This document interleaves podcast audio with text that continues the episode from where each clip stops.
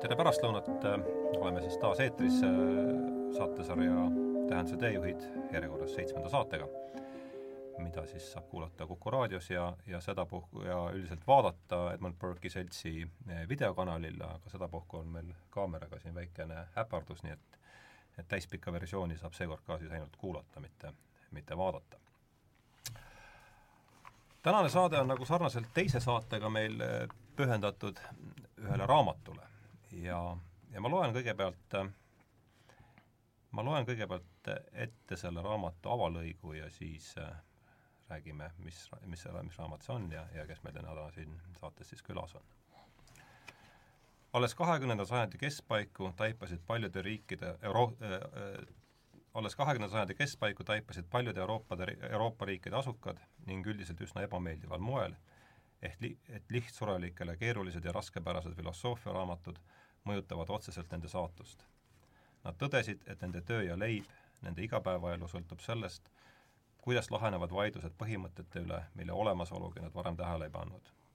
filosoof oli nende jaoks äh, justkui unistaja, kelle mõttemõlgutustel polnud käegakatsutavaid tagajärgi kui tavalised inimesed pididki koolis tüdimusega filosoofia eksamiks tuupima, siis püüdsid nad õpitut kui täiesti kasutut võimalikult kiiresti unustada. Küllap paistis marksistide määrata mõttetöö neile veel ühe viljata lõbuna, vaid vähesed mõistsid, mida niisugune ükskõiksus tähendab, millest see johtub ja milliseid tagajärgi võib kaasa tuua. osa raadiokuulajaid tundis ilmselt ära Tšeslav Miroši tuhande üheksasaja viiekümne kolmandal aastal ilmunud raamatu Vangistatud mõistus äh, avalõigu. Ja tänane saade on meil siis pühendatud sellele raamatule ja mul on taas saates kaks külalist, raamatu tõlkija Hendrik Lindepuu ja kirjandusteadlane Jaan Undusk. alustame Hendrikust siis, et mis laadi teosega on tegemist ja kuidas, mis kontekstis asetub ja kes on autor, võtame kõige laiema laiema konteksti? vangistatud mõistuse kirjutas Tšeslav Miloš tuhande üheksasaja viiekümne esimesel, viiekümne teisel aastal. Viiekümne esimesel aastal, pärast seda, kui ta oli olnud mitu aastat Washingtonis Poola Rahvavabariigi kultuuriatašee, käis ta Poolas ja, ja ta lasti sealt Poolast uuesti minema ja kui ta Pariisi jõudis, siis selle asemel, et saatkonda minna, ta lihtsalt läks öö, pagulaskirjastuse kontorisse öö, ja, ja lõpetas oma suhted siis kommunistliku Poolaga. ja kõigepealt ilmus kohe viiekümne esimesel aastal selle pagulaskirjastuse ja ajakirjas Kultuura Miloši artikkel Ei mis on nagu selline, ütleme, sissejuhatus või, või seal on need vangistatud mõistuse alged on olemas. ja, ja siis paari aasta pärast ilmuski see äh, vangistatud mõistus, et äh, poola keeles on pealkiri Snevolone umõsl ja äh, Snevolitš, sellel sõnal on poola keeles kolm tähendust. esiteks vangistama, teiseks sundima, näiteks sundis neid pimedale kuuletumisele või sundis teda oma otsust muutma. ja kolmandaks veel on lummama või kütkestama mm. näiteks näitlejanna Anne kütkestas publikut. aga noh, Miloši tõlkides tuleb alati meeles pidada, et, et Miloši keel ei ole päris tänapäevane poola keel, et tema nagu keele põhi on äh, Vilniuses ja Varssavis ilmunud äh, Poola äh, seletaval sõnaraamatul, mis ilmus tuhat üheksasada, noh, alustati selle tegemist Vilniuses ja lõpetati Varssavis ja, ja viimane köide ilmus tuhat üheksasada kakskümmend seitse. ja, ja selles sõnaraamatus on nagu selleks esimeseks tähenduseks on just see sundima mm.. aga noh, kuna inglise keele, ingliskeelne pealkiri on The Captive Mind ja näiteks soome keeles vangitu mieli, et, et noh, siis see vangistamine, eh, vangistatud tundus nagu äh,, nagu kõige õigem. ja see raamat ilmus siis seesama pagulaskirjastuse, mille nimi on Instituut Literatski ehk siis Kirjandusinstituut, selle kirjastusel nad andsid välja tuhande üheksasaja neljakümne viiendast aastast seda ajakirja Kultuura, mis on, ütleme, pagulas, Poola pagulaskirjanduse ja, ja noh, ajakirjanduse ütleme, kindlalt lipulaev ja kõige tõsisem ja, ja, ja ja selline arvestatavam väljaanne ja viiekümne kolmandal aastal hakkasid nad välja andma ka raamatuid, mida siis andsid välja kuni kahe tuhande, kahe tuhandenda aastani viissada kaksteist nimetust. ja esimesed raamatud olid just, esimesena ilmus Witold Gombrowiczi romaan Transatlantic ja näidend laulatus Ühtede kaante vahel. Teise raamatuna ilmus George Orwelli tuhat üheksasada kaheksakümmend neli. Ja siis kolmanda raamatuna Tšeslav Miloši äh, vangistatud mõistus. ja äh, juba samal aastal äh, ilmusid äh, ingliskeelne tõlge äh, Londonis, New Yorgis ja Torontos äh,, samuti prantsuskeelne tõlge ja, ja saksakeelne tõlge. et äh, inglise väljaandele kirjutas eessõna Bertrand Russell ja prantsuskeelsele väljaandele kirjutas eessõna Karl Jaspers. et äh, vangistatud mõistus tegi äh, Miloši paugu pealt kuulsaks, aga kuulsaks mitte sel kombel, nagu Miloš oleks soovinud. Et mitte kui kirjanikuna, mitte kui luuletajana, vaid pigem nagu politoloogide või, või sotsioloogide seas, et et et need arvustusedki ilmusid peamiselt nagu sellises eriala ajakirjanduses, näiteks Ameerikas, et et et noh, Ameerikas on vangistatud mõistus, on praegugi näiteks ajalootudengitele kohustuslik kirjandus nendele, kes noh, tegelevad kahekümnenda sajandiga. et, et ta toimib nagu just selles mõttes, et kokku on seda raamatut tõlgitud enam kui kolmekümnesse keelde äh, vangistused mõistus ilmus üheksakümne üheksandal aastal eesti keeles, eks? just.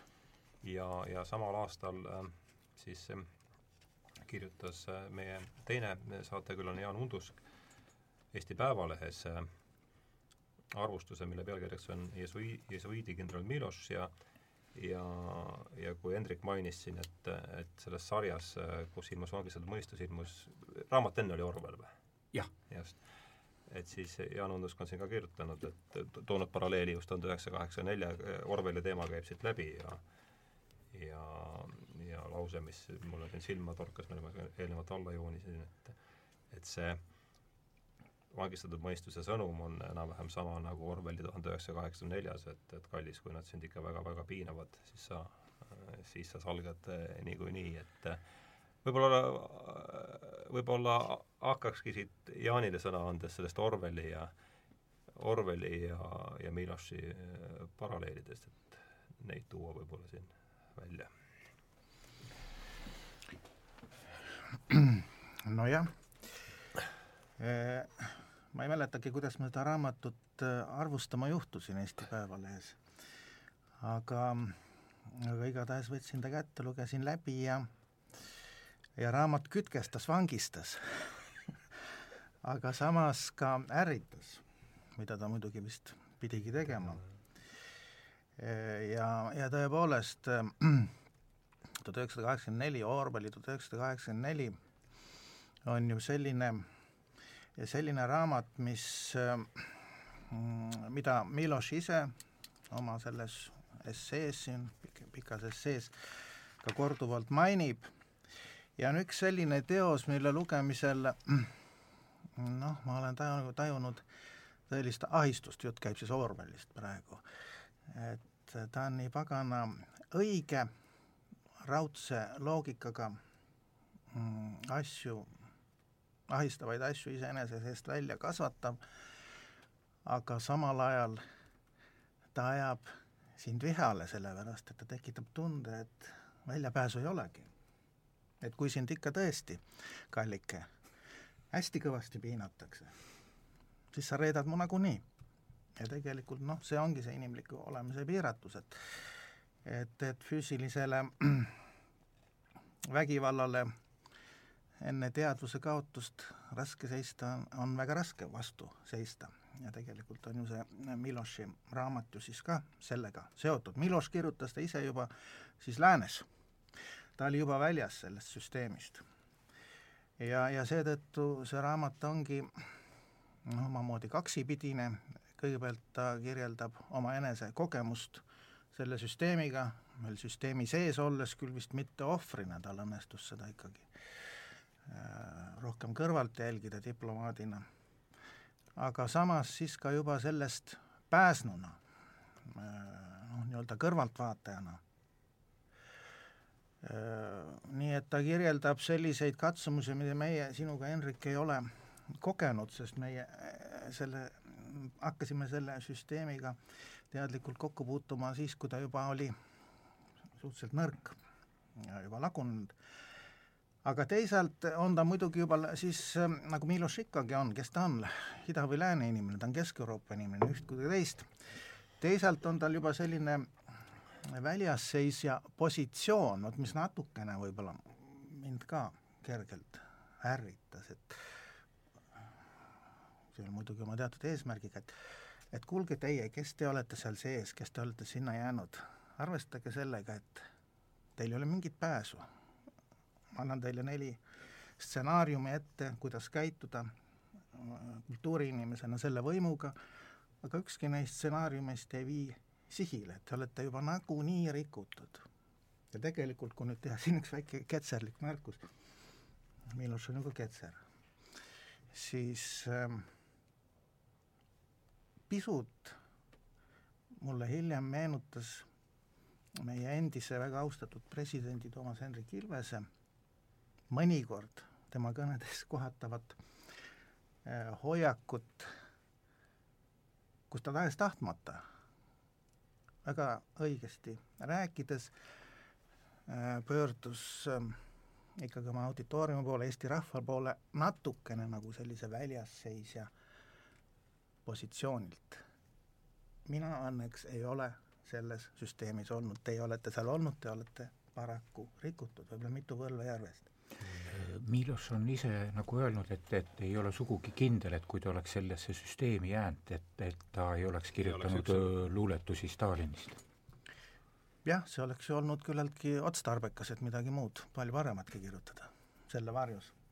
jah, see väikse, väikse sõrme lugu, eks, mis sealt äh, no äh, siin äh, enamik raadiokuulajatest ei ole teie arvustust lugenud, võib-olla te, mulle, mulle väga meeldis see see väikse sõrme kujund, mis sealt arvustuses läbi käib, et võib-olla selgitada selle lihtsalt lahti raadiokuulajatele, kes, kellel ei ole kohe ligipääsu sellele, sellele arvustusele. jah, no mulle tundus nõnda, et Miloši hoiatus seisneb selles, et tihtipeale inimesed, kes, ähm, kultuuriinimesed, kes totalitaarse süsteemi sees peavad tegutsema, mõtlevad nõnda, et anname kuradile väikese sõrme, üheksa näppu jääb alles, las kurat võtab selle sõrme ja üheksa näpuga siis tegutseme edasi nii, nagu meile meeldib. ja arvavad, et see on nende enda otsus võimu üle kavaldada hmm.. aga, aga Milos, mulle tundus, et hoiatab selle eest, et tegelikult see on äh, stsenaarium, mis pakutakse võimu poolt välja ja et neid väikseid näppe on ladudes hästi palju ja nende väikeste näppude Äh, väikeste näppude äraandmise pealt siis tegelikult see võim funktsioneeribki, ta, sa annad oma väikese, väikese näpu vastu, omandad endale sellise illusoorse sõltumatuse tunde, jah, mis ilmselt on petlik. ja, ja noh, siis ta kirjeldab siin seda ka ju tegelikult, kuidas kõigepealt annad väikese näpu, aga nagu Enn Nõu ütleb, et äh, et üks kord on üks kord ja kaks korda on juba lõpmatult palju kordi. Mm.. et eh, teist näppu on juba lihtsam anda ja, ja noh, siis võib asi minna edasi nõnda, et ongi mõlemad käed raudus, nii et ise arugi ei saa. ühesõnaga, selle protsessi esimese eh, näpu, väikse näpu äraandmise sümboolsusel on küllaltki suur kaal ja hiljem läheb kõik lihtsamini kuidas Poola haritlaskond sinna raudse eesriide taha jäänud äh, Poola intelligendid selle raamatu vastu võtsid, on meil sellest ajast mingeid selliseid see oli ka mingi väga mitmepalgeline, palgeline seltskond, aga kellel õnnestus seda lugeda enne seda viiekümne kuuenda aasta sula, et nendele ta oli tõeline selline noh, nagu vapustus, et ja noh, hiljem noh, seda raamatut ei olnud ju saada, et seda küll kuskil viiekümnendate lõpul saadeti õhupallidega Lääne-Saksamaalt, ta oli trükitud siis sellisele hästi õhukesele piiblipaberile ja mm -hmm. aga palju neist nagu noh, kui kohale jõudis, et seda ei tea, et et esimene Poolas ilmunud väljaanne ilmus tuhat üheksasada seitsekümmend kaheksa, noh, põrandaalusena mm. -hmm. noh, peab ütlema, et Poolas oli põrandaalune kirjastamine ja, ja ajakirjad, ajalehed olid väga levinud, et Poolas ilmus põrandaaluseid väljaandeid ja raamatuid ütleme, kümneid kordi rohkem kui kõigis teistes sotsialismimaades kokku. ja selle põhjuseks oli see, et seitsmekümnendate, eriti teisel poolel, oli, Poolal oli suur välisvõlg. ja et äh, mitte ärritada nagu neid siis äh, lääneriike, kellele võl-, võlgu oldi siis lihtsalt lasti neil dissidentidel suhteliselt vabalt tegutseda mm. -hmm. et esimene nagu noh, avalik väljaanne ilmus tuhat üheksasada kaheksakümmend üheksa. ja muidugi no näiteks, et kaheksakümne viiendal aastal ilmus see Jugoslaavias ja see oli bestseller mm.. ja, ja Miloš on hiljem siis kirjutanud, et kuidas siis needsamad intellektuaalid, kes lugesid ja ja kiitsid seda vangistatud mõistust, kuidas need olid paari aasta pärast, olid natsionalistid ja sovinistid kõik. Mm.. et see oli noh, nagu sa, Hendrik, oskad võib-olla kommenteerida, et ma olen lugenud ka sellist ütlust, et, et vangist, tänu vangistatud mõistusele sai Miloš, eks ju, läänes tuttavaks oh, kirjanikuks. aga et see mõte, teine mõte seisnes selles, et hoolimata sellest raamatust sai ta hiljem ka luuletajana tuntuks. et see oli omamoodi selline noh, tema, tema küll retseptsiooni nurgakivi, aga samas ta nagu kippus varjutama kõike muud loomingut. ja ta oli see üsna õnnetu selle üle alguses. jah, jah, aga, aga nüüd tagantjärele tuleb ikkagi öelda, et see tema esseistika, mis on ju väga mahukas, et, et see on tegelikult ikka sama palju väärt kui, kui tema luule aga, aga jah, just see pettumus, et teda nagu võetakse nagu vangistatud mõistuse autorina, sellest ta kirjutab selles Miloši abc-st, kui äh, Köstler talle külla tuleb ja, ja kuna ta suhtub Milošisse mitte nagu luuletajasse, vaid nagu ainult noh, nagu vangistatud mõistuse autorisse, siis, siis Miloš jõi ennast täis ja jäi magama lihtsalt selle kohtumise ajal seal. Köstler oli üsna nördinud selle peale, jah aga see on huvitav jah, see, see, see põrandaru, põrandaruse Poola teema, et üks asi, see välisvõlg ja kus süsteemi kruvid olid juba niikuinii natukene hakkasid järele andma, aga aga kui Miloši just abc-st lugeda, et tegelikult mis mind eriti hämmastas, oli see, et terve Saksa okupatsiooni ajal neil oli sisuliselt ikkagi mingi variriik toimus seal ja. Äh, põrandal ja jaotati stipendiume, ilmusid raamatud. Äh, no Poola on Jugoslaavia kõrval ainult kaks riiki, mille valitsused Saksa okupatsiooni ajal ei moodustanud noh, nii-öelda Quislingi valitsust või ei noh, ei olnud mingit nagu võimalust. et äh, Armia Krajova lihtsalt äh, lasi kollaborandid maha mhm. no see ilmselt üks, kui nüüd Poola erilisusest rääkida, siis selgelt on see esimene mõte, mis pähe tuleb, on katoliika kiriku mõju, eks.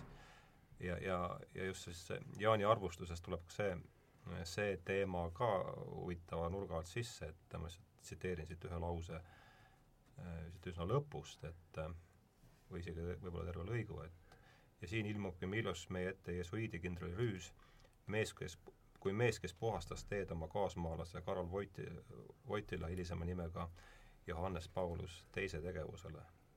Pole vähimatki kahtlust, et Johannes Paulus teine, see kesk, Kesk-Ida Euroopa poliitilise vastureformatsiooni üks arhitekte, on piiblil hoidnud Miloši esseid, et see tundus mulle ka väga sellise, kui ma seda lugesin, tundus see mulle väga intrigeeriv, et kas sa järsku panna siia natukene sellele luule, luuleliha juurde natukene. ega ma ei oska seda kommenteerida, ma hakkasin praegu mõtlema, et et, et, et kas mul oli mingisuguseid informatiivseid ajendeid niimoodi kirjutada või ma lihtsalt oletasin seda või noh, nii-öelda panin, tõin paralleelsusena need kaks kaks meest välja, ei mäletagi ausalt öeldes, aga ilmselt see tundus siis olevat iseenesestmõistetav see minu arvustus oli kahekümne aastast, tuhat üheksasada üheksakümmend üheksa. kakskümmend, kakskümmend aastat mööda. jah, siis olid ju mõned asjad, Johannes Paulus teise poliitiline tegevus oli ju hästi oluline ja me, me, me nagu jälgisime seda. ja võib-olla ma tookord teadsin midagi rohkemat, kui, kui ma praegu tean, äkki olen midagi ära unustanud. no paavst, paavst käis äh, Eestis kas aastal, mis aastal ta käis? või üheksakümmend neli täpselt ei mäleta, aga umbes ja, siis. jah, jah, midagi sellist oli, jah. no äh, Miloš on äh, nagu öelnud, et, et tema luule on religioosne luule ja, ja, sinna ja, ja kindlasti on ta nüüd kahekümnenda sajandi teise poole kõige religioossem Poola luuletaja või no tähendab, ütleme nagu tõsiseltvõetavatest luuletajatest, noh, ma ei räägi nendest, kes, kes kirjutavad lihtsalt mingeid vagatsevaid värsse või, või noh, või noh, ütleme, et suurest luulest, kui, kui, kui rääkida. aga kui sa ütled seda, et Miloš on kõige religioossem luuletaja, mida sa, kuidas sa seda põhjendaksid või mida sa, arenda palun seda mõtet lihtsalt edasi, ma ei oskagi. no ütleme, et see religioossus kumab lihtsalt läbi sealt mm., et äh, ja noh, näiteks, et siin selles valitud luuletusteski on ilmunud tema teoloogiline traktaat, äh, mis, mis on noh, mis on selline teos, et mille kohta ilmus Poolas arvustusi kuskil, ütleme, kolmkümmend mm. ainult selle traktaadi mis aastal ta see, aasta see oli see oli, ütleme, kuskil sajandi vahetusel.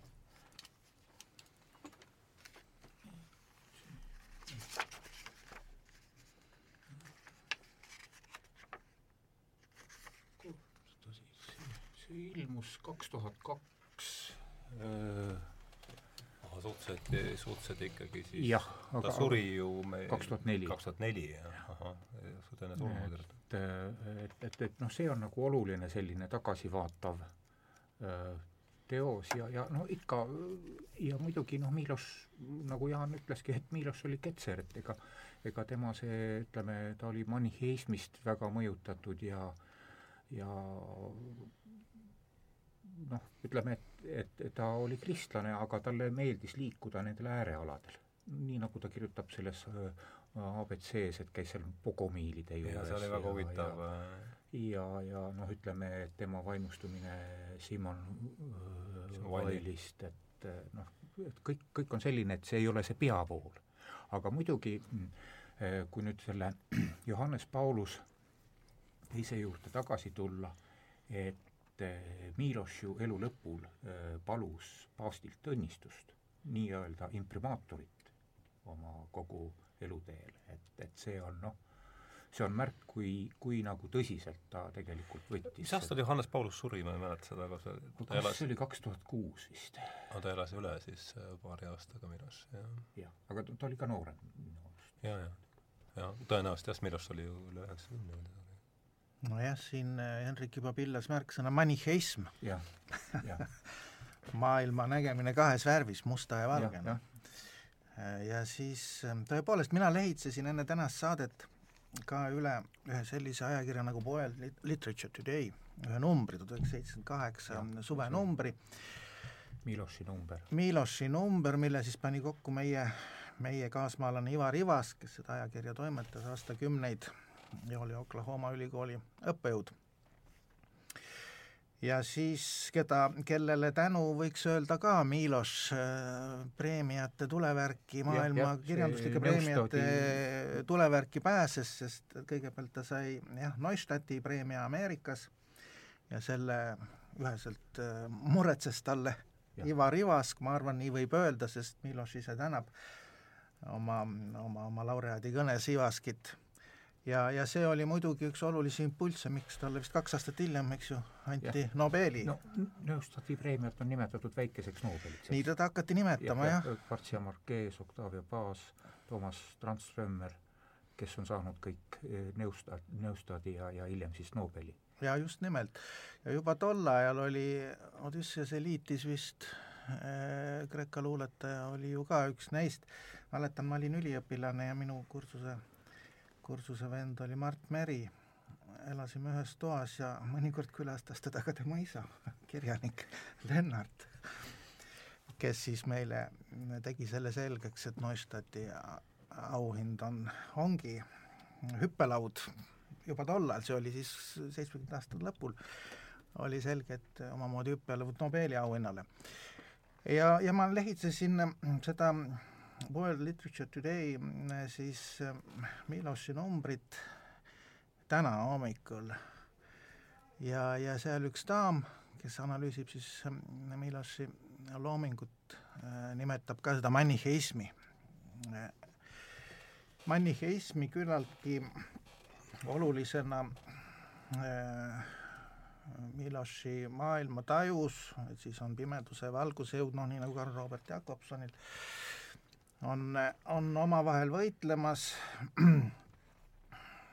pimedus on see ründavam pool, valgus annab oma, oma osakesi pimedusse, et teda neutraliseerida, kui nad põhimõtteliselt ei segune, tähendab ähm, valguse ja pimeduse segust, mis selle võitluse perioodil enne rahuriiki kunagi, äh, äh, see segu, mis, mis meie ajal teoks saab, see ei tähenda mingit kompromissi. Valguse ja pimeduse vahel ei saa olla kompromissi, ehkki see on selline noh, paheline segunemine. Äh, ja tegelikult see Miloš, Miloši noh, nagu mõtlemissüsteem äh, on, on maniheistlik selles mõttes, et siin on nagu selline maniheistlik moraal, eks ju, et ähm, ta arendab ja arutleb ka oma selles vangistatud mõistuses ju kompromisside võimaluste üle ja meil Eestis oli see Nõukogude ajal ju küllaltki tähtis, mõistlikud kompromissid, no nende esindajaks peeti näiteks Jaan Krossi, ma ei tea, kui õigustatud või mitte, aga äh, räägitigi suurest kompromisside meistrist, kes just see, seetõttu nagu suudab suudab äh, olukordadest üle olla, kuid Miloši maniheistlik moraal ütleb seda, et igasugune kompromiss on pahe.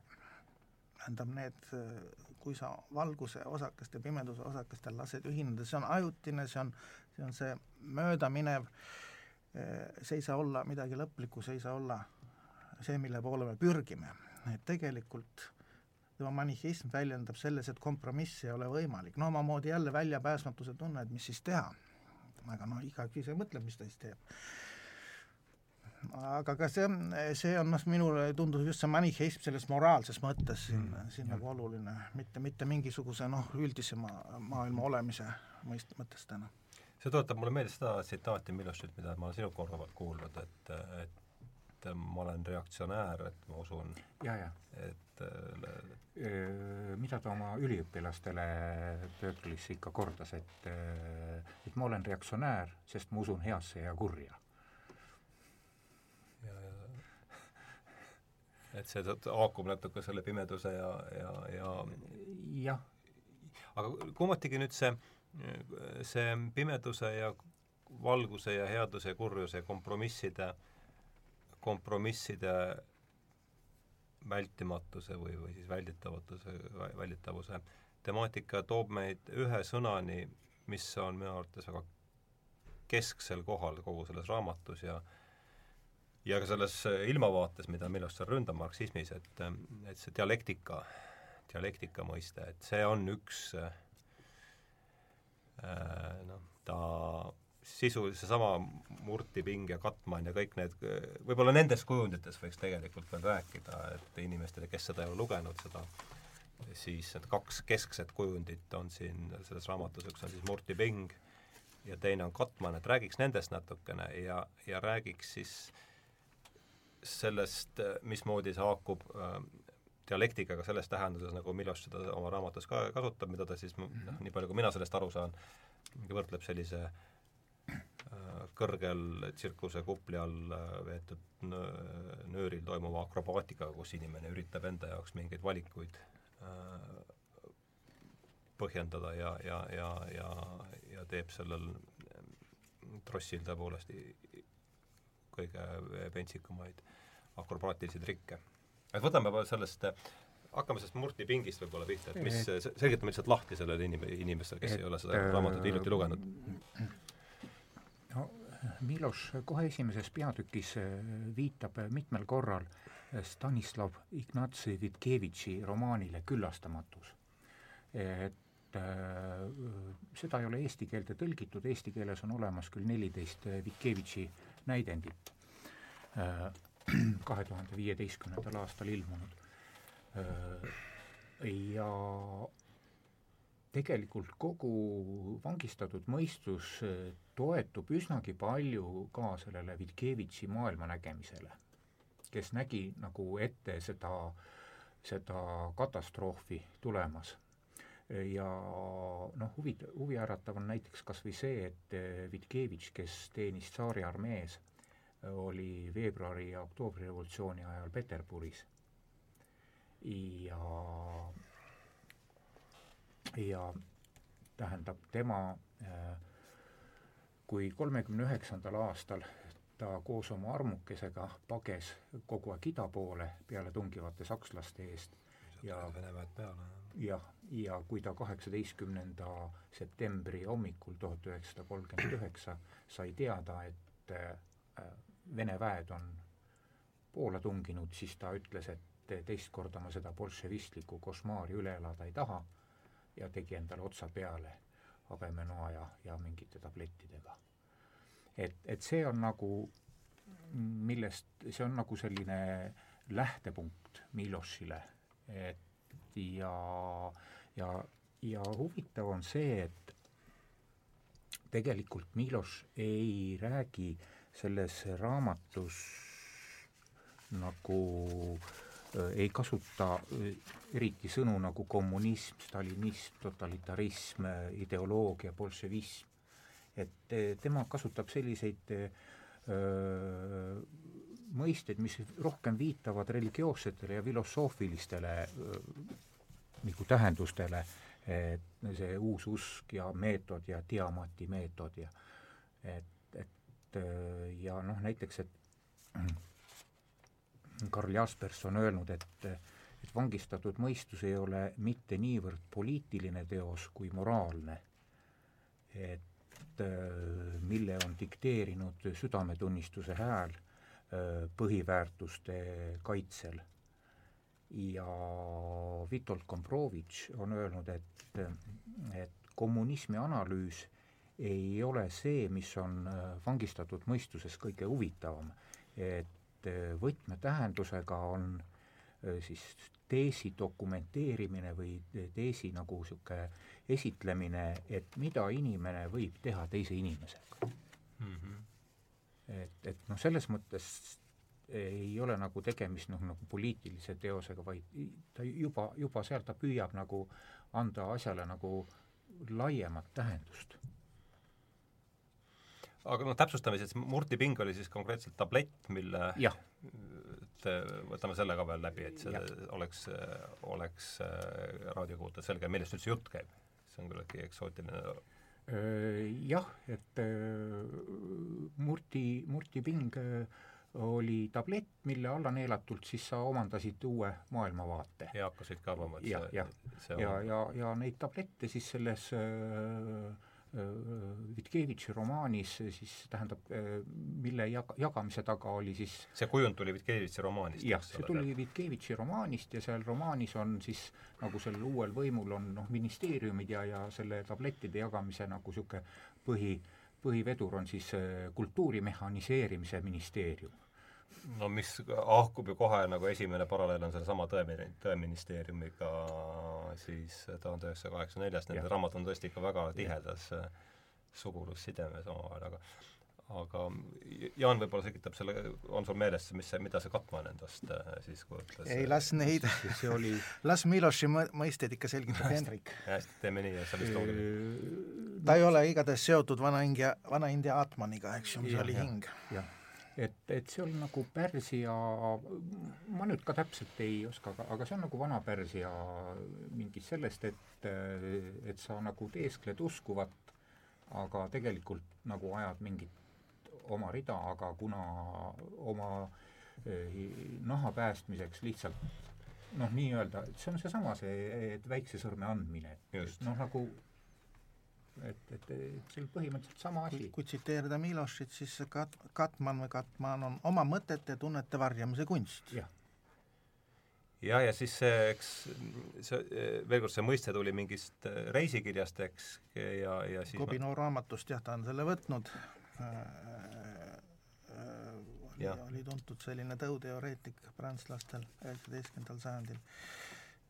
ja siis äh, Kesk-Aasia filosoofiad ja religioonist on selline Kobino raamat, kus ta siis selle mõiste leidis mm. -hmm. ja seal ta, seal ta siis, Kabinov tsiteerib seal ühte eh, siis Ketserit, kes ütleb, et kogu Kesk-Aasias pole, pole ainsatki tõelist moslemit vist oli, ma mäletan, see, niisugune lause käis sealt, käis sealt läbi, et et eks see Murti Ping ja Katman, või ku- kuidas me seda parajasti hääldame, no see, need ongi siis, eks metafoorid sellele samale dialektikale, et asume nüüd siis selle D-sõna kallale, et mida mida, mida me selle all siis õigupoolest mõistma peame ja siis ta, see selles, mulle tundub, et ta on täiesti kesksel kohal äh, mõiste selles, selles, sellest tegelikult jutt käibki. et äh, asjale natukene nagu teist värvi anda, ma siin natukene refereeriksin ühte äh, Slavomir Mrožeki lühijuttu, nii, väga põnev. et äh, mis äh, mis siis räägib sellest, et üks hetk, et äh, no see jutt on kirjutatud üheksakümnendate aastate algul.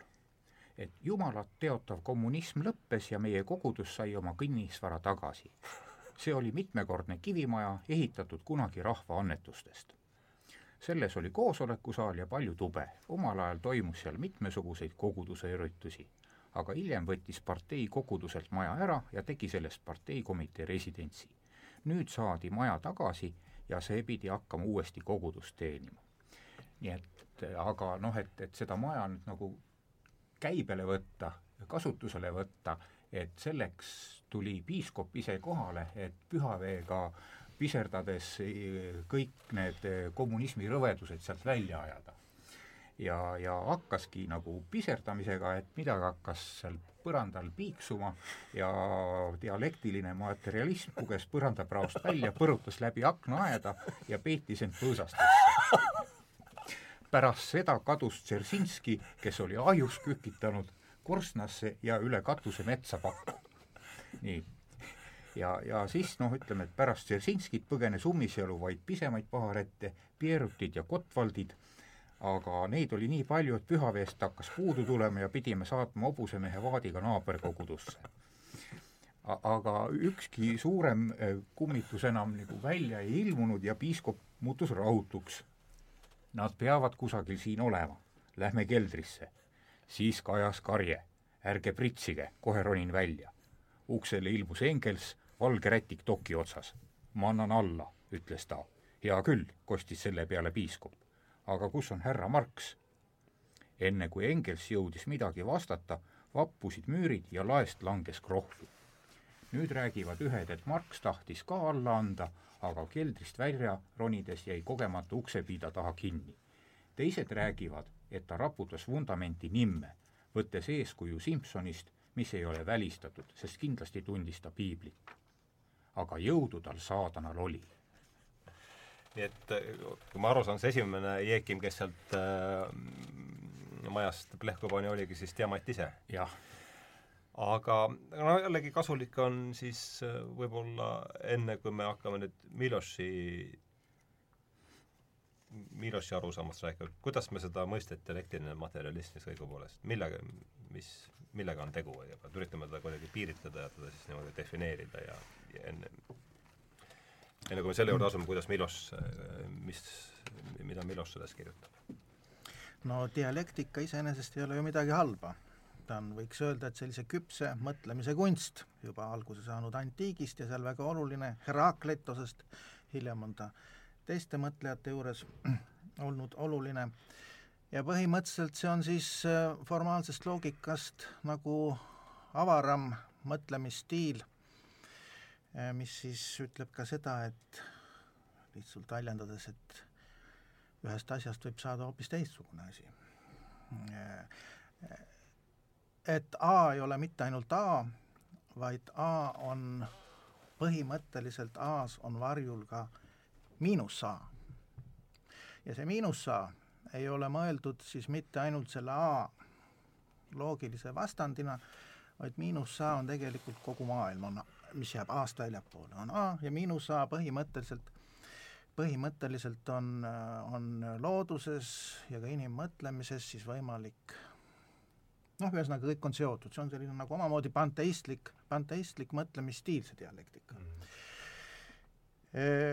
Aga muidugi ta on just nimelt kõrge intellektuaalne mõtlemisstiil, mida on võimalik väga kergesti vulgariseerida ja kui ta anda võimu käsutusse nii-öelda masinavärgina, siis on see tõesti selline riist, millega võib lõigata igaühe näpud maha. sellepärast, et äh, dialektika ei, ei peatu kuskil ja ta ei ole mõeldud nagu reaalse tegemise, reaalse tegevusvahendina, vaid ikkagi sellise nii-öelda ütleme, küpse, küpse mõtlemise arendamiseks äh, noh, näide, näide näiteks ja Nõukogude, Nõukogude jah, süsteem oligi siis see, mis tegelikult, tema ideoloogia ei olnud niivõrd mitte kommunism või ma ei tea, mis me siin veel välja mõtleme, vaid tema ideoloogia oligi see ideoloogiline süsteem toetus dialektikale. dialektikale, mida siis kasutati tegelikult hirmuvahendina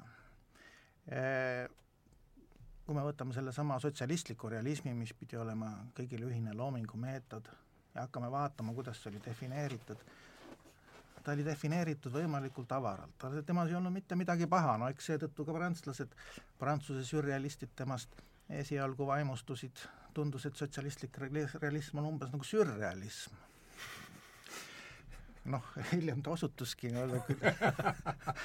hoopis teisel mõistetasandil selleks kuid sotsialistlik realism andis kõik võimalused, andis kõik võimalused loominguliste stiilide vabaduseks. aga kuidas seda tegelikult, seda äh, ideoloogiat kasutati?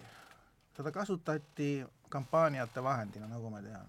kuulutati välja kampaania natsionalistlike ja kosmopoliitiliste elementide väljajuurimiseks kultuuris korraga, nii natsionalistlikud kui ka kosmopoliitilised meetodid selle kohta ütles vaene Leo Soompea tuhande üheksasaja neljakümne esimesel aastal, kui ta pidi, kui ta pidi rääkima Nõukogude kultuurist, et tema on vanakodanlik kunstiteadlane, tema on harjunud mm, neid mõisteid välistama vastastikku, aga näe mm. nüüd, nüüd on korraga. või siis kampaania naturalismi ja, ja formalismi äh, vastu ühtaegu väga raske oli kodanlikule inimesele aru saada, kuidas ühtaegu neid, neid, neid asju välja juurida. ehkki noor Ilmar Laaban, hilisem sürrealist, kirjutas juba nelikümmend üks, äh, et äh, ta oli tollal vasakpoolsetest ideedest vaimustuses, et naturalism pole midagi muud kui ähm, varjatud formalism. Õige kah, eks ju ühesõnaga, nende kom-, eh, kampaaniate raames oli võimalik igaühe sõrmed maha lüüa. tuldi kunstniku juurde, küsite, noh ütleme, kas sa oled, kas te pooldate natsionalistlikke ideid? ei, loomulikult mitte, vastupidi. ahhaa, te olete kosmopoliit. ei no mis te nüüd, ma lihtsalt, te olete kosmopoliit, ei ole, eks ju, patriootilise kunsti teenistuses.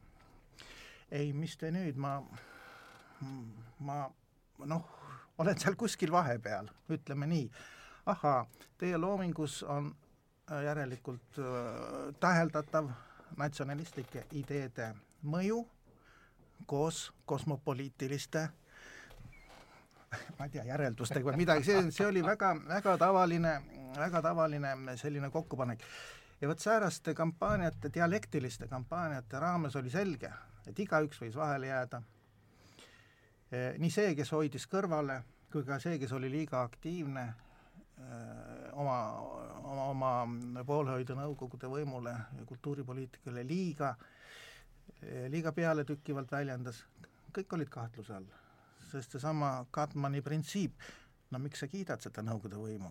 ahaa, sa tahad ilmselt varjata seda, et sa tegelikult põlgad seda.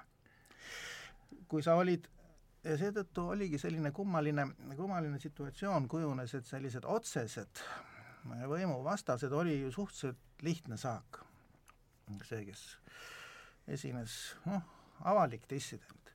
aga palju raskem oli nende teistega, kes siis kõik olid, olid nii-öelda eh, kahtlased. Eh, seltsimees Stalin eh, andis dialektika kanoonilise definitsiooni mm.. ja see kõlas nõnda. dialektiline meetod peab tähtsaks eelkõige mitte seda, mis käesoleval momendil näib kindlana, kuid juba hakkab kaduma, vaid seda, mis tekib ja areneb isegi siis, kui ta käesoleval momendil näib ebakindlana, sest dialektiline meetod peab ära võitmatuks ainult seda, mis tekib ja areneb. punkt. Noh, millega lühidalt taheti öelda seda, et keegi peale dialektilisi meetodi ehk selle esindaja partei ei tea, mis on käesoleval momendil kõige tähtsam, olgu heas või halvas mõttes, sest see ei pruugi üldse välja paista, on dialektiliselt punguvas, alles idus varjus ja partei aga loomulikult näeb seda ja teeb siis vajaliku otsuse kõige tähtsama kohta oma järgmises dialektilises ehk repressiivses dokumendis. Ja see on just see, mulle tundub, mille Miloš oma, oma esseega võib-olla et esimesena välja tõi, just nimelt see dialektika, vulgariseeritud dialekt, dialektika kesksus Nõukogude ideoloogilises süsteemis. kõik need kommunismid ja muud jutud, need on noh, nii nagu öeldakse, lisaleemeks selle juurde mm., aga asja tuum oli vulgariseeritud dialektika. Milos on ühes oma äh, intervjuus öelnud, et äh, lihtlabased marksismi propageerijad Poolas ja mujal ning ise doktriin, mis toetub Hegeli filosoofiale, on kaks eri asja. et doktriin oli küll võlts ja valelik, aga, aga mitte lihtlabane. no ega muidu ei oleks äh, Leszek Kolakowski saanud sellest kirjutada kolm köidet, seda oma marksismi peavoolusid, mis ilmus siis tuhat üheksasada seitsekümmend kuus kuni, kuni seitsekümmend kaheksa. ja, ja tähendab, et, et alati võiks nagu selle raamatu pealkirja öelda nagu tervenisti välja, et marksismi peavoolud, teke, areng ja lagunemine. see on Kolakowski. jah. Vot dialektika kohta no, tänase päevaga võiks kirjutada teke, areng, lagunemine, taassünd, ma arvan, pigem ei... kõlaks võib-olla päevakajalisemalt, mulle tundub et, et, et siin võib-olla jõuamegi selle juurde, et miks ikkagi tegelikult äh, peale sõda väga paljud intellektuaalid läksid tõsimeeli äh, marksismiga kaasa. et see ei olnud, see ei olnud ainult väikse näpu andmine, see oli ikka, äh, see oli ikka täiega on näiteks Leszek Kolakowskigi oli ju täiesti veendunud stalinist ja, ja, ja pidas nagu Poola äh, Äh, kommunistliku partei või siis ehk äh, selle Poola nimega see töölispart-, ühinenud töölispartei liini valeks, et et milleks nagu varjata. et, et, et ka täiega, et tuleb ikka jõuga see ja, ja samas see Tadeusz Julius Kronski, kellest kirjutab äh, Tšeslav Miloš Sünnime Euroopa peatükis äh, Tiiger, mis on tegelikult puuduolev peatükk äh, vangistatud mõistusest. Noh, tähendab, ta siin mainib ka vangistatud mõistuses, et minu sõber filosoof, kes kirjutas talle Ameerikasse kirjas, et me taome Nõukogude püssikabadega sellele rahvale siin mõistuse pähe, et ta hakkaks mõtlema nii, nagu vaja, et noh, ratsionaalselt ja ilma võõrandumiseta, et et noh, tähendab mulle hakkas nagu kõrva see Jaani lausatud, lausatud mõte, et tegelikult polnud asi eh, niivõrd selles kommunismis või marksismis, et see oli selleks lisaleemeks, vaid tegelikult selle asja tuumaks oli just seesama dialektiline meetod ja mulle tundub, et jällegi niivõrd, kui ma nüüd Jaani käsitlust sellest mõistest kuulasin, et see on teadlik selgete kategooriate segamini ajamine, et sa ei saa olla, et, et niisugune vana mõtlemine on see, et sa oled kas äh, kosmopoliit või natsionalist, aga sa ei saa olla mõlemat korraga.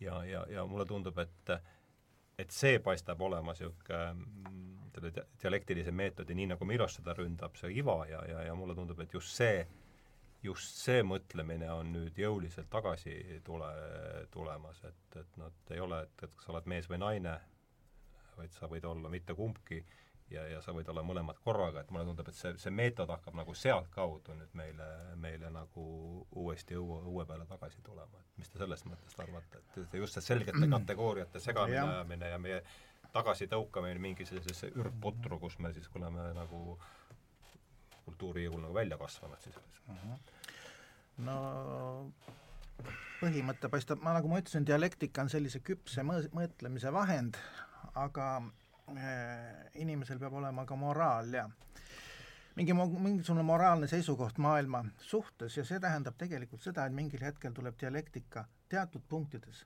peatada mm.. kui ta seda ei tee mm., siis ta on lihtsalt ebamoraalne olend, kahjuks nii see välja tuleb. ja on üks selline äh, äh, Miloš kirjutab siin raamatus ju ka lääne inimesest, see on siis teine peatükk noh, võib-olla umbes nõnda, et äh, idaeurooplane, tema küll ei ole isegi nii liberaalne, aga idaeurooplane, kes elab sellises dialektika keskkonnas äh,, noh, teab seda ja mõni, mõnes mõttes nagu teab seda, aga, aga samas ta on ka nagu targem, kuna ta ise sellest dialektikast noh, nagu näeb maailma dialektilisena, samal ajal kui lääne inimene on selline ühesem ja, ja teda on kergem lõksu meelitada siis mul tuleb alati seda meelde, kus, kuidas üks minu tütar väiksest peast küsis ikka, ta küsis igasuguste asjade kohta, mis on parem kas see või too. ja siis ükskord ta küsis, et kumb on parem, kas tingo või tango. kas tingo või tango? no ma ütlen, kuidas sa niimoodi saad küsida, et üks on ju tants ja teine on üks metsik koer Austraalias. et ma ei oska ju öelda, oleneb olukorrast aga, ja küsisin siis tema käest, et aga kas sina tead, kumb on parem? muidugi tean, Dingo on parem e,. miks Dingo on parem, noh, ma ei hakanud seda enam edasi, eda-, edasi sellega nagu minema, aga nüüd oli asi nagu selles, et lääne inimestega kokkupuutus meil oli tihti säärane, säärane noh, selline mulje, et meie siin noh, oleme nii-öelda dialektilises keskkonnas ela, elanud omamoodi immuunsed selles suhtes aga nemad, nendel on alati selge, et kumb on parem, kas tingo või tango. no nagu lapselgi. ja mõnes mõttes see, see, see oligi noh, õige, meie ütlesime, et kui sa oled seal kuskil võib-olla, oled looduskaitse Austraalias, siis on tingo parem, kui sa oled, eks ju, tantsuõhtul, siis on tango parem. aga nagu ka Miloš ütleb, kõige raskem on püsida üheainsana või ise, iseenda tervikuna või kuidagi ta siin seda nagu väljendab. ja tõepoolest teatud hetkedel inimene peab otsustama, kas tingo või tango. ehkki see tundub, see tundub rumal, aga sa pead võtma mingisuguse moraalse positsiooni, laps teab seda kohe meile tundus, et läänest tulevad inimesed teavad ka tihtipeale, meie oleme, olime palju targemad, meie no hakkasime arutlema, mida on ka vaja ju teha. aga siin ongi noh, ma võrdleksin ka seda olukorda natuke nagu sellist, ütleme, intellektuaalide ja poliitikute äh, vahekorraga, et ähm, näiteks sellega, mis toimus kolmkümmend üheksa Eestis, baaside leping, eks. kumb, kumb oli parem, kas tingo või tango? noh, Päts ütles, et tango teeme lepingu. enne seda noh, enne seda palju võib-olla selle üle ei olnud diskussioone, aga pärast seda, eks ju, on palju arutlemist olnud selle üle, kas tingo või tango. ei tea siiamaani. kui on uuesti säärane olukord äh, tulemas, siis võtame seekord tingo, alati on võimalik valida ainult üks, üks võimalus reaalses elus. ja vot poliitikute olukord ongi nüüd säärane, neid eh, tihtipeale küll kritiseeritakse selle asja eest, aga nemad peavad vastu võtma otsuseid.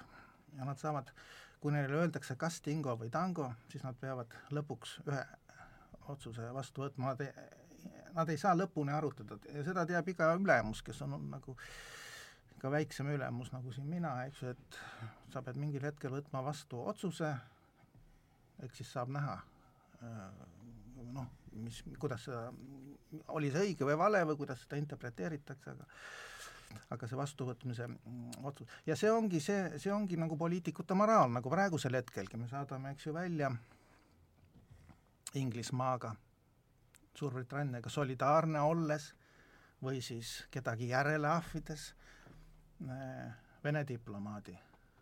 noh, kumb see nüüd on, kas tingo või tango, kas me oleme tõesti äh, vastutusvõimelised nii-öelda vastutusvõimeliselt solidaarsed või me lihtsalt valime kergema variandi ja imiteerime, teeme nii nagu kõik, mitte kõik, aga nagu paljud teised teevad. poliitik teeb oma otsuse, meie otsustasime tango või tingo. kas oli see õige või vale, noh, selle üle võib veel hiljem palju arutada. aga see just ongi see, see, see, see punkt, et äh, dialektika on väga tark ja, ja te, vulgariseeritult on teda lihtne anda ka keskpäraste vaimude käsutusse vägivallavahendina, aga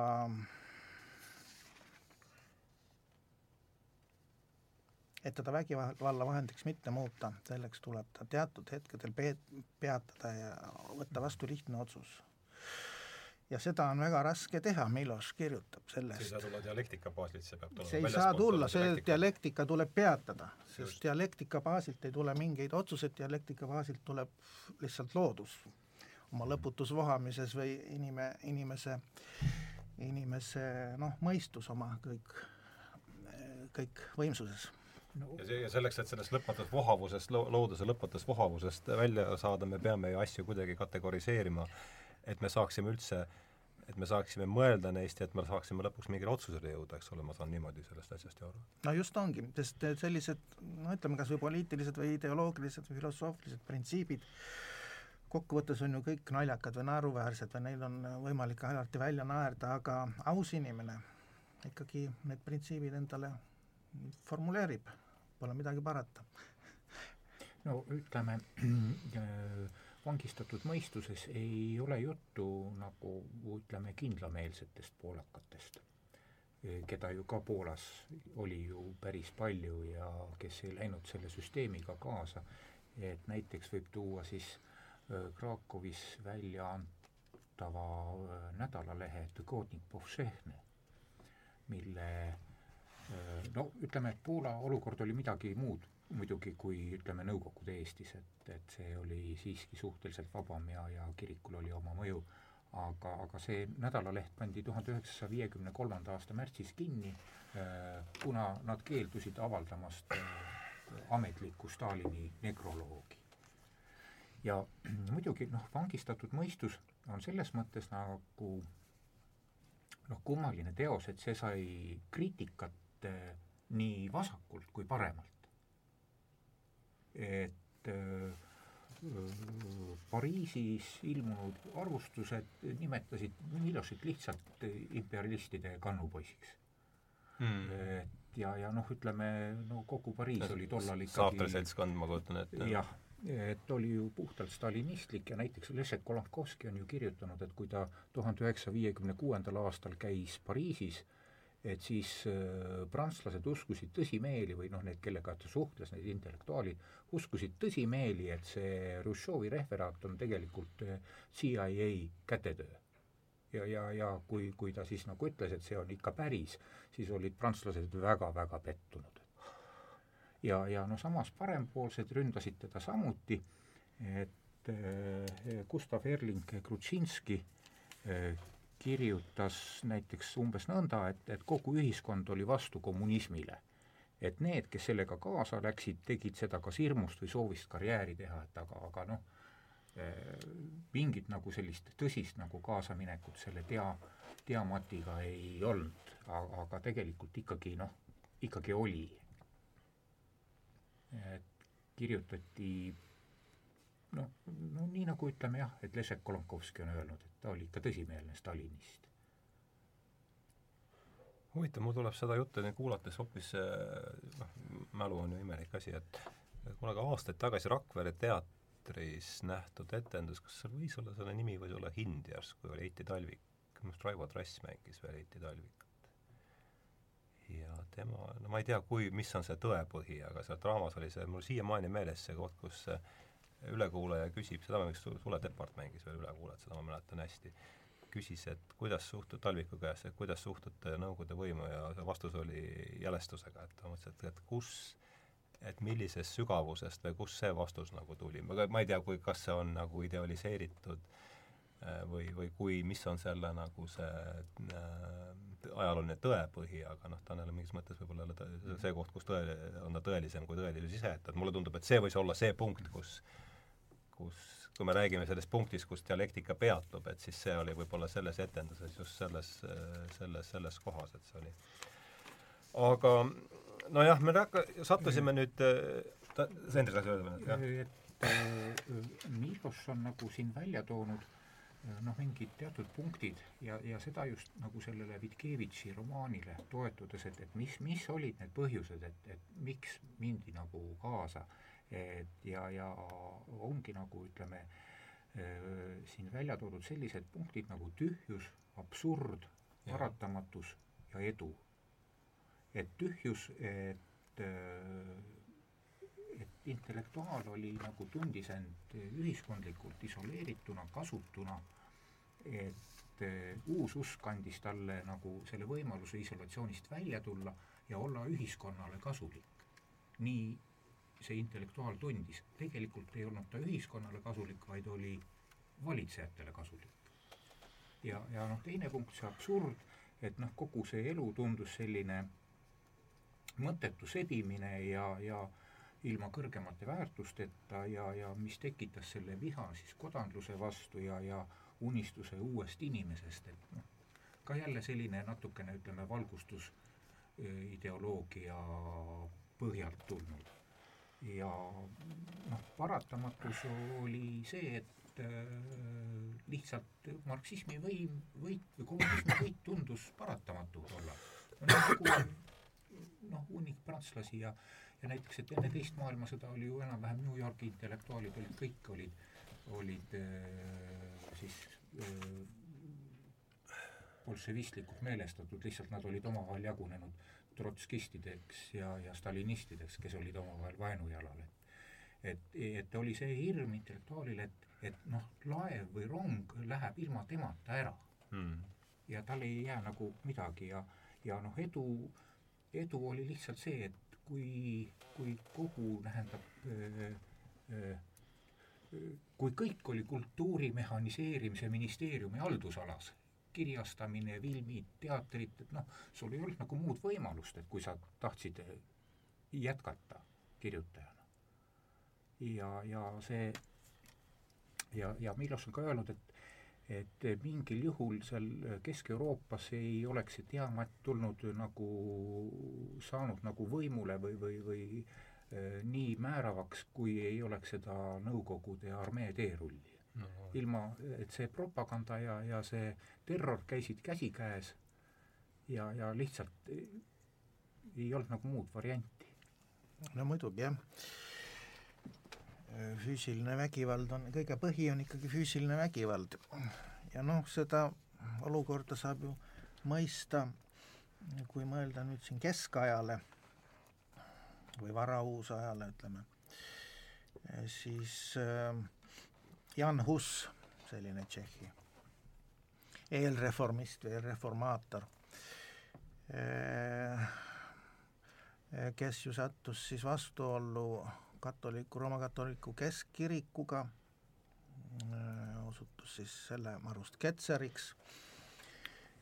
kui me vaatame siis noh, ütleme tinglikult paavsti ja Jan Hussi väitlust, siis nii üks kui teine pool toetub oma arvamustes ja tõestustes ainult ühele autoriteedile, see on piibli sõna, eks. mõlemad, ehkki nad on, on teatud asjades vastandlikus seisukohal, aga ainus võimalus tol ajal endale mingit õigust saada või tunnustust oma õiguse ees oli see, kus sa tsiteerisid piiblit. noh, Huss hoolimata sellest, et ta seda tundis väga hästi, lõpuks ikkagi läks tuleriidale. aga, aga noh, natuke meenutab ju see sedasama olukorda, mida nüüd siin just, või mitte natukene, vaid üsna palju, mida siin Henrik kirjeldas, et et see süsteem, mida siis Nõukogude Venemaa siin noh, nagu juhendas, võimaldas ju ka vormiliselt teisiti mõtlemist või dissidentlust, aga sa pidid oma noh, oma väiteid ikkagi lõppkokkuvõttes tõestama nende samade tõe, tõelausete pinnalt, millel toetus ka sinu vastane.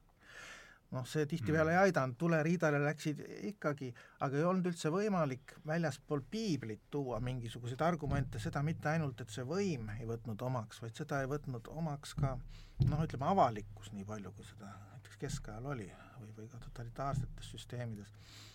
ja seda me ju näeme ka noh, see on omamoodi kurb näide, et meie, meie Eesti dissidendid näiteks siin Nõukogude ajal,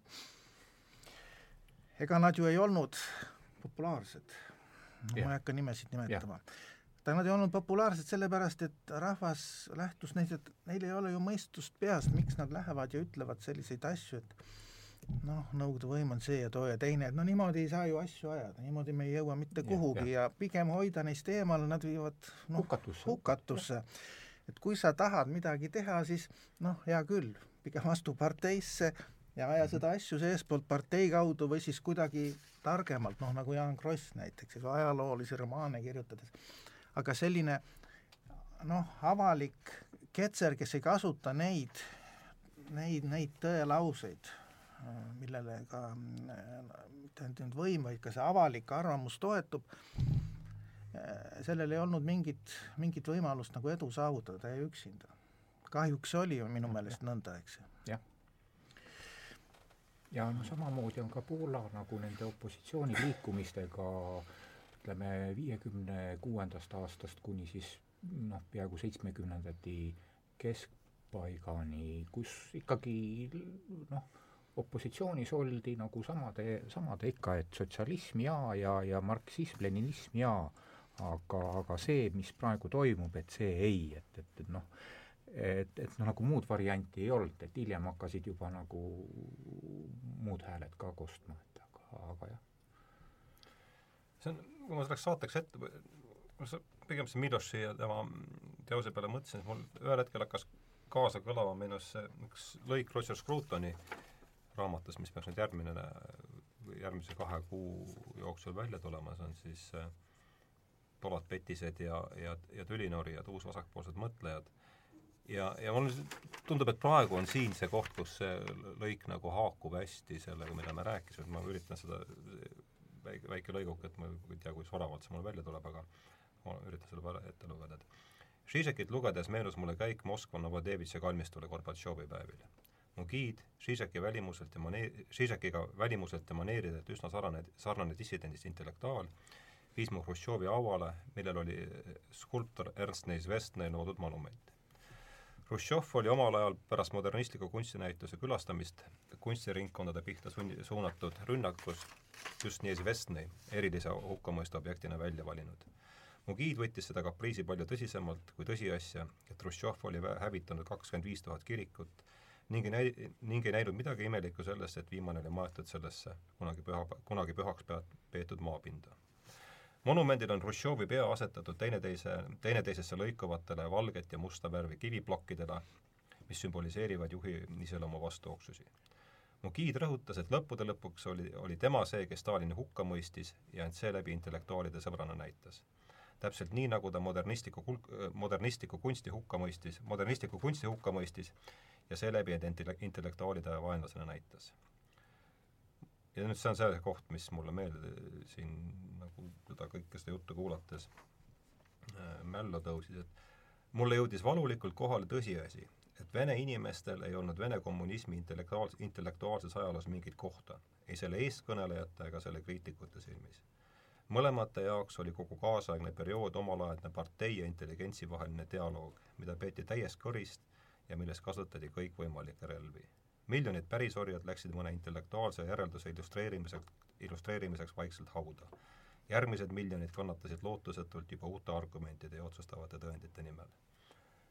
et mulle tundub, et see haakub kuidagi sellega, millest, millest Miloš siin äh, kirjutab, et, et see, see kogu see võimu haaramine ju tuhat üheksasada seitsmeteist, eks see oligi ikkagi mingite ju noh, mingis mõttes see ei olnud töölisrevolutsioon, nagu seda meile ette kujutatakse, oli ikkagi mingi intellektuaalide, intellektuaalide üht, ühtlaadi intellektuaalide kliki mm, selline putš.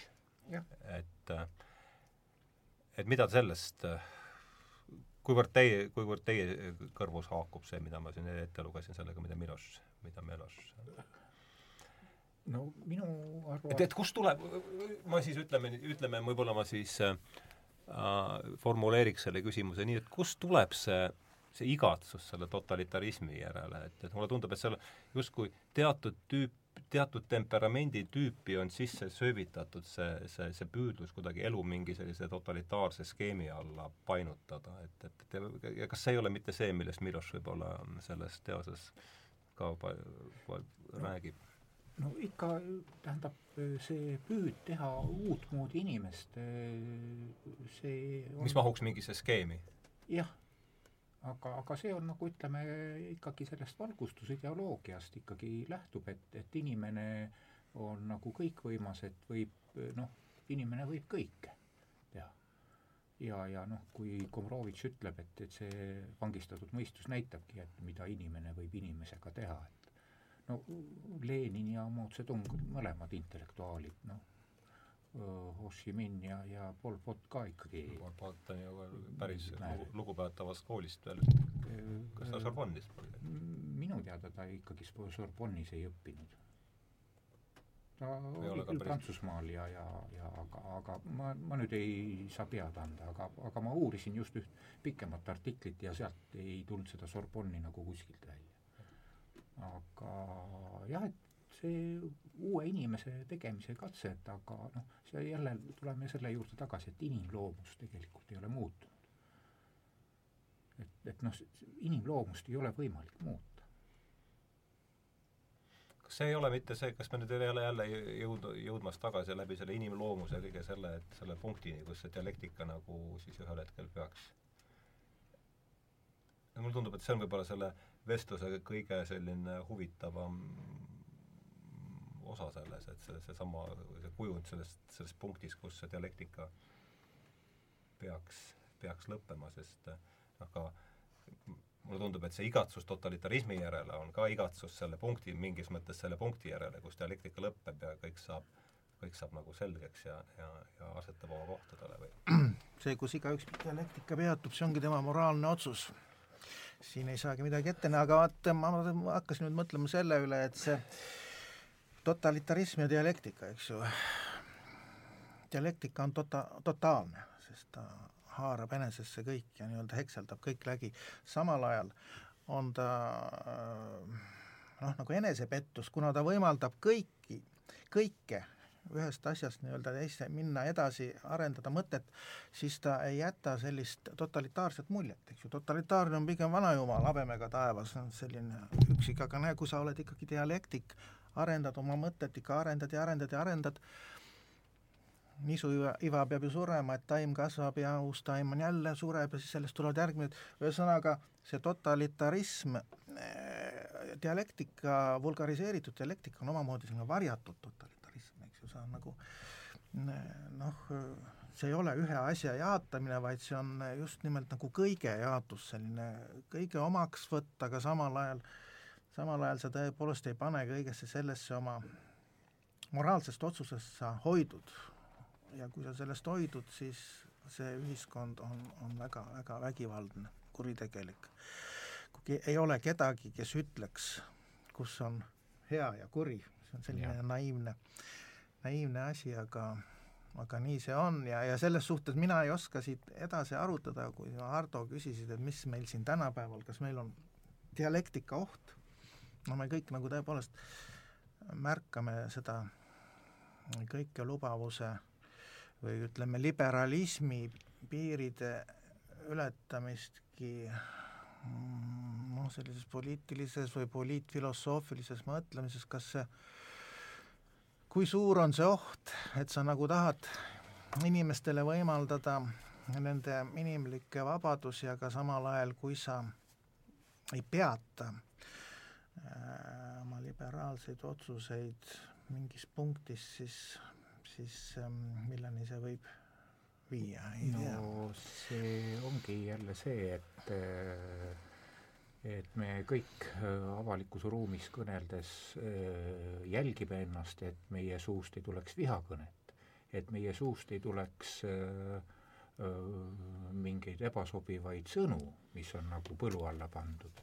et, et me jumala eest kas siis oma soost või vastassoost isiku suhtes või, või, või hoopis mingist muust soost isiku suhtes ei teeks midagi taolist, mida võib ahistamisena käsitleda, et noh, et, et kõik see on nagu läinud juba sedasi, et hakkab, kuskilt hakkab nagu nüüd keerama. järelikult tuleb julgust koguda. jah jah, aga mulle tundub seda nüüd selle tänase vestluse baasilt just, et, et et see liberalism on siin samasugune karneering võib-olla sellele, kui kommunism oli sellele siis äh, vangistatud mõistuses, et et pigem on ikkagi see pigem see reaalne asi on seesama dialektiline meetod, mis tähendab äh, selles kontekstis ikkagi selliste mõistete vaheliste piiride hävitamist, kui mitte hävitamist, siis hägustamist. ja mis lõppude lõpuks viib meid sellele, et me ei suuda üldse, äh, me ei suudagi asjadest, me ei suuda kõigepealt asju nimetada, järgmine on see, et me ei suuda nendest mõtelda, ja järgmine samm on see, et me olemegi selles samas kosmilises ürgpudrus tagasi, kus ainult mingi niisugune äh, noh, kus sa, kus ta ainult äh, siis raudne rusikas suudab tekitada olukorra, kus, kus bussid jälle sõitma hakkavad, et, et, et mingi, mingi, mingi kord mingi kord tekkis, mille, mille, mille raames me siin üldse tegutseda saame, et, et minu meelest just seesama mul, mul on hea meel selle jah, selle, selle leiu üle siit saatest, et, et see, see, see dialektilise meetodi keskusele jõudsime siin kuidagi. ma tuleksin jälle Mrožeki juurde. võib asjakohane olla siin küll äh, suur dialektik. Äh, siin äh, läbi nende juttude, siin on üle saja lühijutu, on siis läbivad tegelased on tihtipeale Kukk Rebane ja mina, ehk siis noh, kirjanik ise. ja siin on selline mm, lugu nagu mälestustahvel. et hea oleks mingi mälestustahvel avada, ütles Kukk aga ma ei mäleta midagi, oli Rebane murelik, aga sina, pöördus ta minu poole. ma mäletan erinevaid asju, kord seda, kord teist, aga peamiselt mitte midagi erilist. no ja siis nad otsustavad, et äh, Kukk ütleb, et, et see ei sega üldse, et, et, et keegi ei mäleta või mäletavad eri asju, et, et see on mälestustahvel in blanco et äh, mille mälestuseks iganes et meie paneme mälestuslahvi seinale ja igaüks, kes seda vaatab, meenutab seda, mida ise tahab nii. kui järgmisel päeval nad vaatama läksid, siis oli mälestustahvli ees seisid kaks meest. kas teie panite selle üles? meie. kena, mis? tulge meiega kaasa. Nad viisid meid ühte kontorisse ja see ei olnud postkontor. Te panite üles tahvli selle mälestuseks, mida pole vaja mäletada. mitte ilmtingimata, see on ju selle mälestuseks, mida keegi mäletada tahab küll meie juba teame, mida keegi mäletada tahab. aga need võivad ju olla erinevad asjad, kõik ei taha ju üht ja sama mäletada. küll me juba teame, mida kõik tahavad. aga meie tahtsime ju hoopis vastupidi. mida vastupidi? vastupidi sellele, mida te mõtlete, et meie mõtlesime. küll me juba teame, mida te mõtlesite. no just, aga meie just vastupidi. mida vastupidi? vastupidi sellele, mida teie mõtlesite, et meie mõtlesime. ahah, seega tunnistate üles, et mõtlesite seda. Jah, aga hoopis midagi muud. ärge keerutage, et mõelda midagi muud, tuleb kõigepealt mõelda sellele. tüüpiline dialektika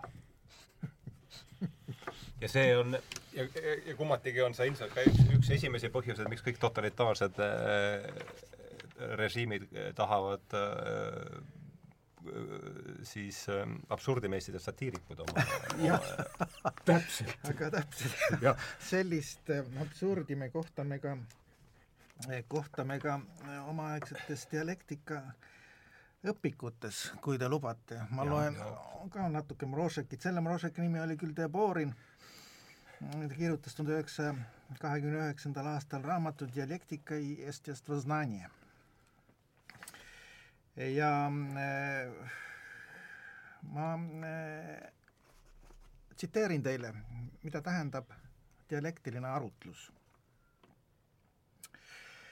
Olemise ja mitteolemise ühtsus on saamine, õpetab dialektika. tõlgituna konkreetsesse materialistlikku keelde tähendab see väide et kõige oleva alus on aine, mateeria, mis on pideva arenguprotsessis. see tähendab, et muutused on reaalsed ja konkreetsed ning teisest küljest, et reaalne ja konkreetne on muutuv.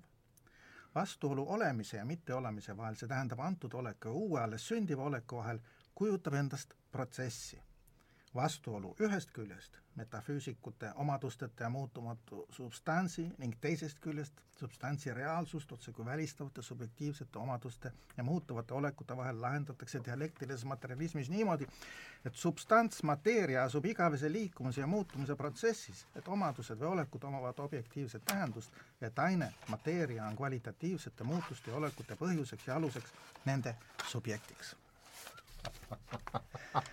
see on dialektika-õpik.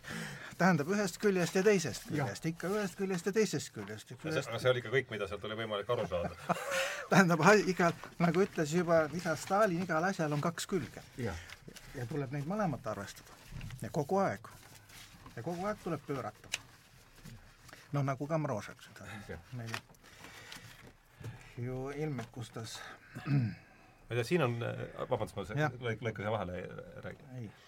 Et just äh, me selle lõigu taustal tuli mul just meelde see, et kaks järeldust, millele me jõudsime siis eelmises saates, kus oli siis Jüri Allik ja Ave Annus ja me rääkisime tegelikult, hakkasime pihta nägemisest äh, üldse.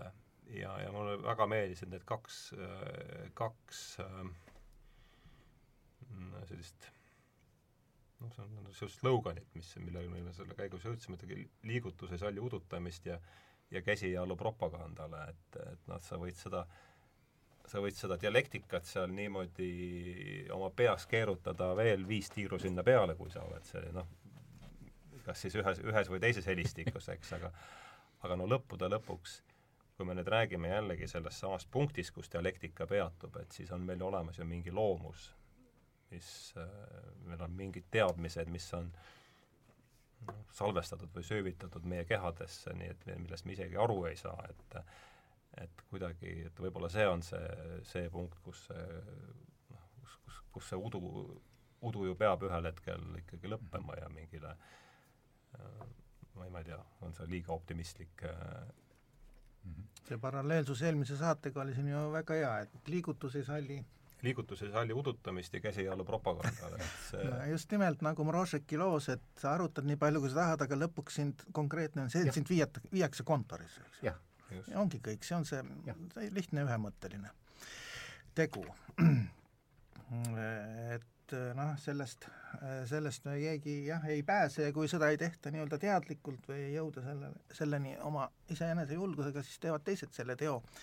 Nii et lõppkokkuvõttes see dialektika peatatakse igal juhul. aga mitte võib-olla sel viisil, nagu see meile no, meeldiks. nagu see meile meeldiks, jah. no nii, et me... Äh, vaata, ja veel üks selline, see äh, dialektika ja, ja või dialektilise totalitarismi nagu põhijoon on ju see, et, et see on alati surmtõsine. seal nalja ei tehta. just, just, just, just.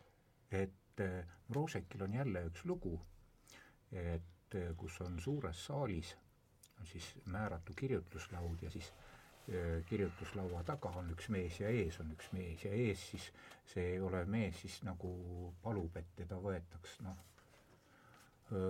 partei ridadesse vastu. ja teine ütleb, et, et see oleks nagu jah, et väga tore, et te meie nagu üritust nagu toetate, aga aga me ei saa seda teha. Ja kujutage nüüd ette, et te oleksite meie ridades ja, ja kui te siit ära lähete, ärge kellelegi mainige ka üldse, et te sellise sooviga siia tulite. nimelt see mees, kes tahtis partei teisse astuda, oli kloun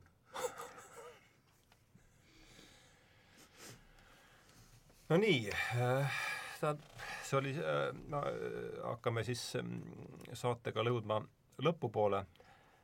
See oli äh, seitsmes saade sarjast äh, Tähenduse teejuhid. me alustasime oma arutelu Tšeslav Mülasi raamatus Vangistatud mõistus, stuudios olid Hendrik Lindepuu ja Jaan Undus, aga me jõudsime siis lõpuks välja sellise mõisteni nagu dialektika, mis noh, mulle isiklikult tundub, on, on jõuliselt, on jõuliselt tagasi tulemas. ja on tulemas võib-olla tagasi võib-olla sealtpoolt, kus me teda, kus me teda ei oodanud, et et mis on, mis on see, mida me igaüks äh, üksikisikutena, sest see on see koht, kus minu arvates kõik muutused, olulised muutused peale hakkavad. mis on see, mida me saame teha, et ennast sellise dialektilise udutamise vastu kaitsta ja kuidagi immuniseerida, sest mulle tundub, et see on, see on sellel ajal, mis märkamatult on nüüd kätte jõudnud järjest, järjest olulisem. alustame sinust, Hendrik no senikaua, kui saab oma sõna veel välja öelda, siis öelda oma sõna selgelt välja, et, et mis on hea ja mis on kuri. see, see ei pruugi, sul ei pruugi olla õigus kahtlemata, aga vähemasti sul on see osale, teistel on millelegi reageerida vähemalt, ma kujutan ette, et see on ja. siin see, et ega no muidugi mina seal metsatalus elavana noh, kellele ma seda ikka kuulutan või, või ja noh, ma olen üldiselt loobunud nagu nüüd nii väga maailmaga dialoogis olemast, et, et ma, et noh, minu vaidlemised on nagu vaieldud, et äh, Poola kirjandus on vaja ära tõlkida ja ja, ja, ja ma arvan, et, et nende tõlgetega ma pigem äh, saan öelda oma sõna sekka, sellepärast ma tõlgin ikkagi ainult neid asju, mis mulle väga meeldivad, mis on hingelähedased ja sa ei hakka tõlkima ungari keelest? ei hakka. kuigi serbo-horvaadi keelest serbo, tähendab, serbo-horvaadi ja, ja horvaadi keelest olen küll tõlkinud, aga noh, niisugused need väiksed kõrvalhüpped võib endale lubada. no mis mina oskaksin öelda, me oleme mõtlevad arutlased, arutlevad, see tähendab kahtlevad inimesed, kui me oleme intellektuaalid, aga Äh, kõige selle juures võib-olla tasuks meeles pidada seda, et inimese üks, üks põhivajadusi on, on saada rahuldav vastus mõnele lihtsale olulisele küsimusele. ja et selle vastuse me peame ise andma. Ja kogugem julgust, et see vastus iseendale anda. mis muud?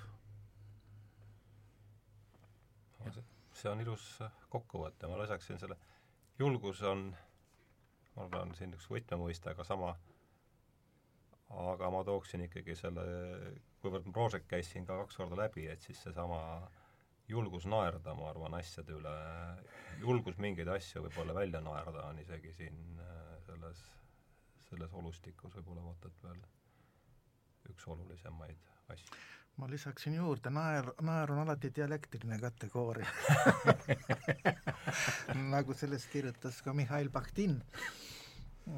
aga see, see oli huvitav, et meil pole kuhugi kuhugi kiiret, et me võime siin selle ühe ringi veel võtta juurde.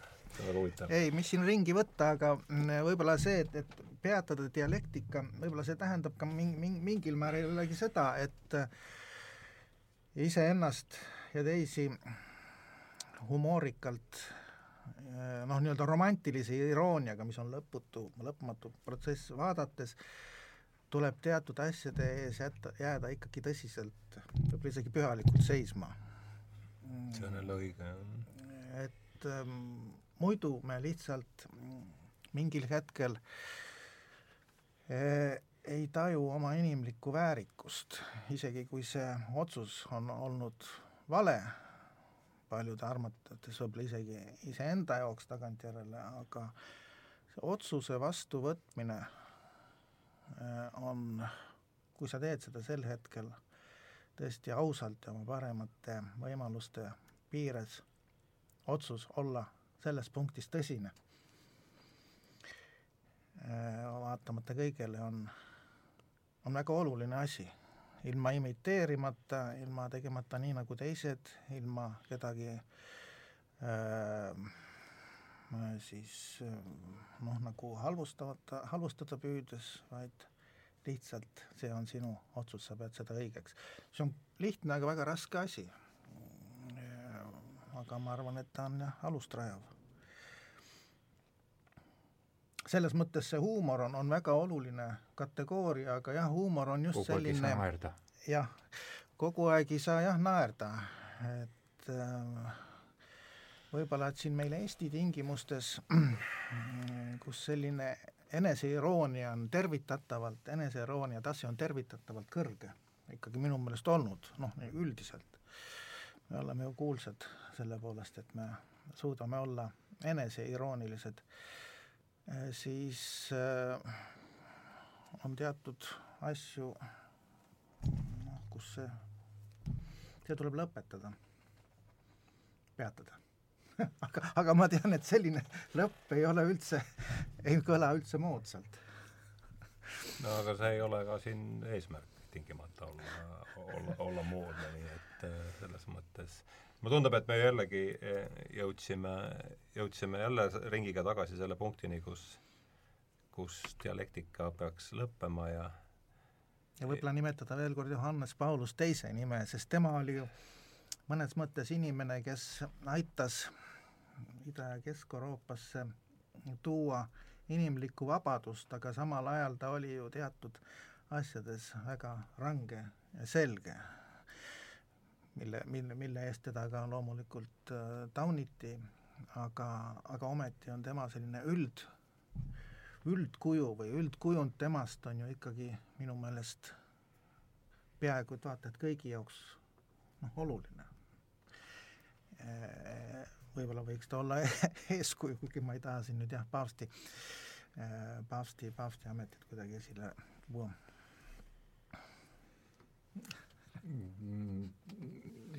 et ei juhtuks nii, et meid pärast tagantjärgi katoliiklikeks reaktsionäärideks ei sõimata.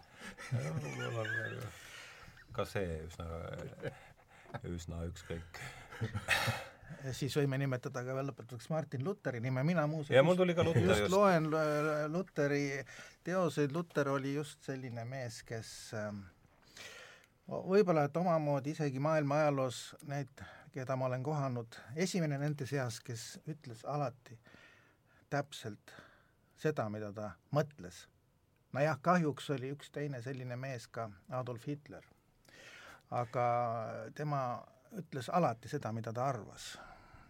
ta ei ironiseerinud ega midagi, aga noh, kahjuks äh, tema mõttesuund oli, oli äh, oli selline, mida me ei saa vist siiski aktsepteerida Hitlerit peab silmas ikka. just mitte, mitte Martin Luther.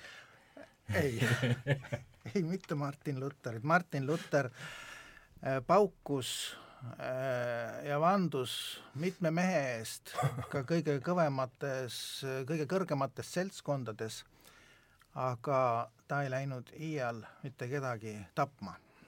see oli tema tunnusjoon no nii, aga siis äh, siin on, siin on siis äh, sobiv hetk tõesti sellele äh, minu arvates ka põnevale jutuajamisele joon alla tõmmata. otsigem siis seda, edasi seda punkti, kus dialektika peaks peatuma ja olgem sellel, nendes otsingutes siis huumorimeelsed, heatahtlikud üksteise suhtes ja ja julged. tänan teid, saates olid Hendrik Lindepuu ja Jaan Undusk ja mina olin saatejuht Ardo Pajula